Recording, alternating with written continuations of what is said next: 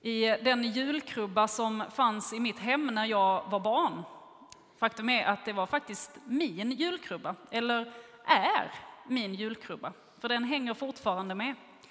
Och jag är född i november och när jag var en liten sån här förnumstig, kanske sju, åttaåring, så sa jag till min mormor och morfar när de frågade vad önskar du dig i åttaårspresent? Så eh, sa jag, jag önskar mig en julkrubba. Och så tittade jag lite så på min bror som att nu, var jag, nu är jag bäst. För nu önskade jag mig ändå det, det frommaste man kan tänka sig. Men helt ärligt så ville jag också ha en julkrubba. Och jag ville ha en julkrubba som man kunde leka med. Och det är fortfarande viktigt. Det finns nämligen två krubbor i mitt hem nu. En som står ganska högt upp fastän jag har lite större barn nu. Men sen finns det också en som man faktiskt får leka med. Och den har alltså hållit sedan slutet av 80-talet. Jag vet inte riktigt vad den är gjord av, men den har alltså hållit att åka i golvet och ja, det har varit lite olika familjekonstellationer bland alla de här eh, figurerna i krubban. När jag var barn så hade jag missuppfattat det här med herdarna. Jag hade hört julevangeliet precis som alla andra, men jag hade nog inte riktigt fattat herdarnas roll. För att jag trodde att herden i min julkrubba var värdshusvärden.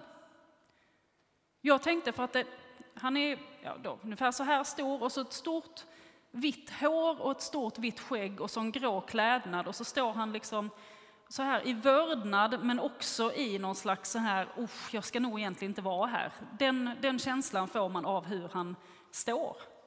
Och jag tänkte att ja, men här har vi värdshusvärden. För att om jag hade varit i hans ställe, om det hade kommit en höggravid kvinna och hennes ganska panikslagne medförälder och sagt barnet föds nu. Och jag hade sagt, där ligger stallet, ta det, gör vad som helst. Då hade jag smugit efter för att kolla. För liksom, vad är det här för människor? Ska de föda barn i stallet? Hur ska det gå till? Och fortfarande idag när jag läser julevangeliet och kommer till den här raden om att herdarna berättar vad som har sagts om detta barn för alla som var där så innefattar jag på något sätt att värdshusvärden måste också vara där. För Josef och Maria, man kan inte säga alla två. Det måste finnas fler. Egentligen en parentes.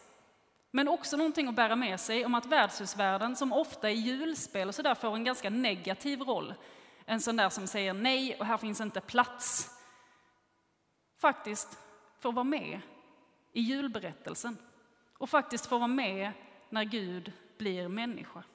Och faktiskt är den som öppnar, kanske inte sitt hem då, men åtminstone sin, ja, sitt stall. Kanske är det mer än vad jag hade gjort i den situationen. Jesus föds rakt in i utsattheten. Jag tänker att alla barn som föds över hela jorden idag, nu i natt, föds in i någon form av utsatthet. Men därefter så är det de olika förutsättningarna som tar vid.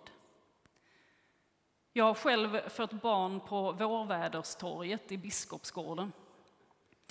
Det var inte jätteskoj.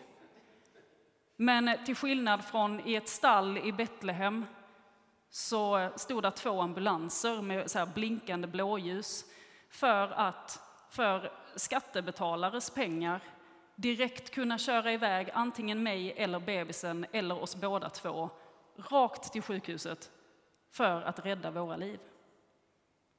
Det är att föda barn och att bli född i utsatthet. Men det är också en helt annan förutsättning än miljoner barn över hela jorden. Men det folk som vandrar i mörker ser ett stort ljus. I presens. Nu.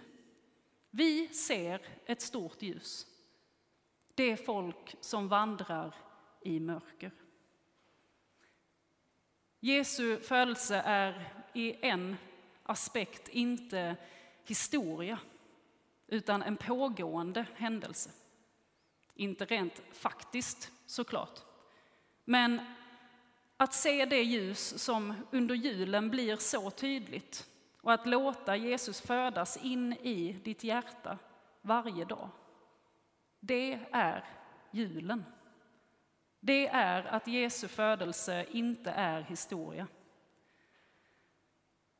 Att varje dag faktiskt fira god jul. Det kanske skulle vara väldigt konstigt i maj till exempel. Men jag tror att det är viktigt att bära med sig. Att låta Jesus födas in i mitt hjärta varje dag. Som det här skyddslösa barnet. Gud kommer till jorden starkare än all världens vapenmakt. Men också som ett barn på ett trampat jordgolv kan vi ana. Och läggs i en matskål. Vilka konsekvenser får det i våra liv? Att Gud blir just den människan.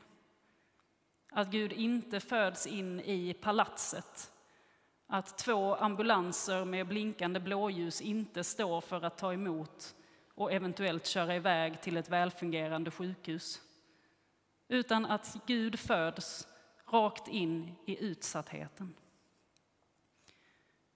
Vilka konsekvenser får det i ditt liv? Det vet inte jag. Men det jag vet är att Jesu födelse inte lämnar någon oberörd. Och att det gör att jul blir just god jul. Amen.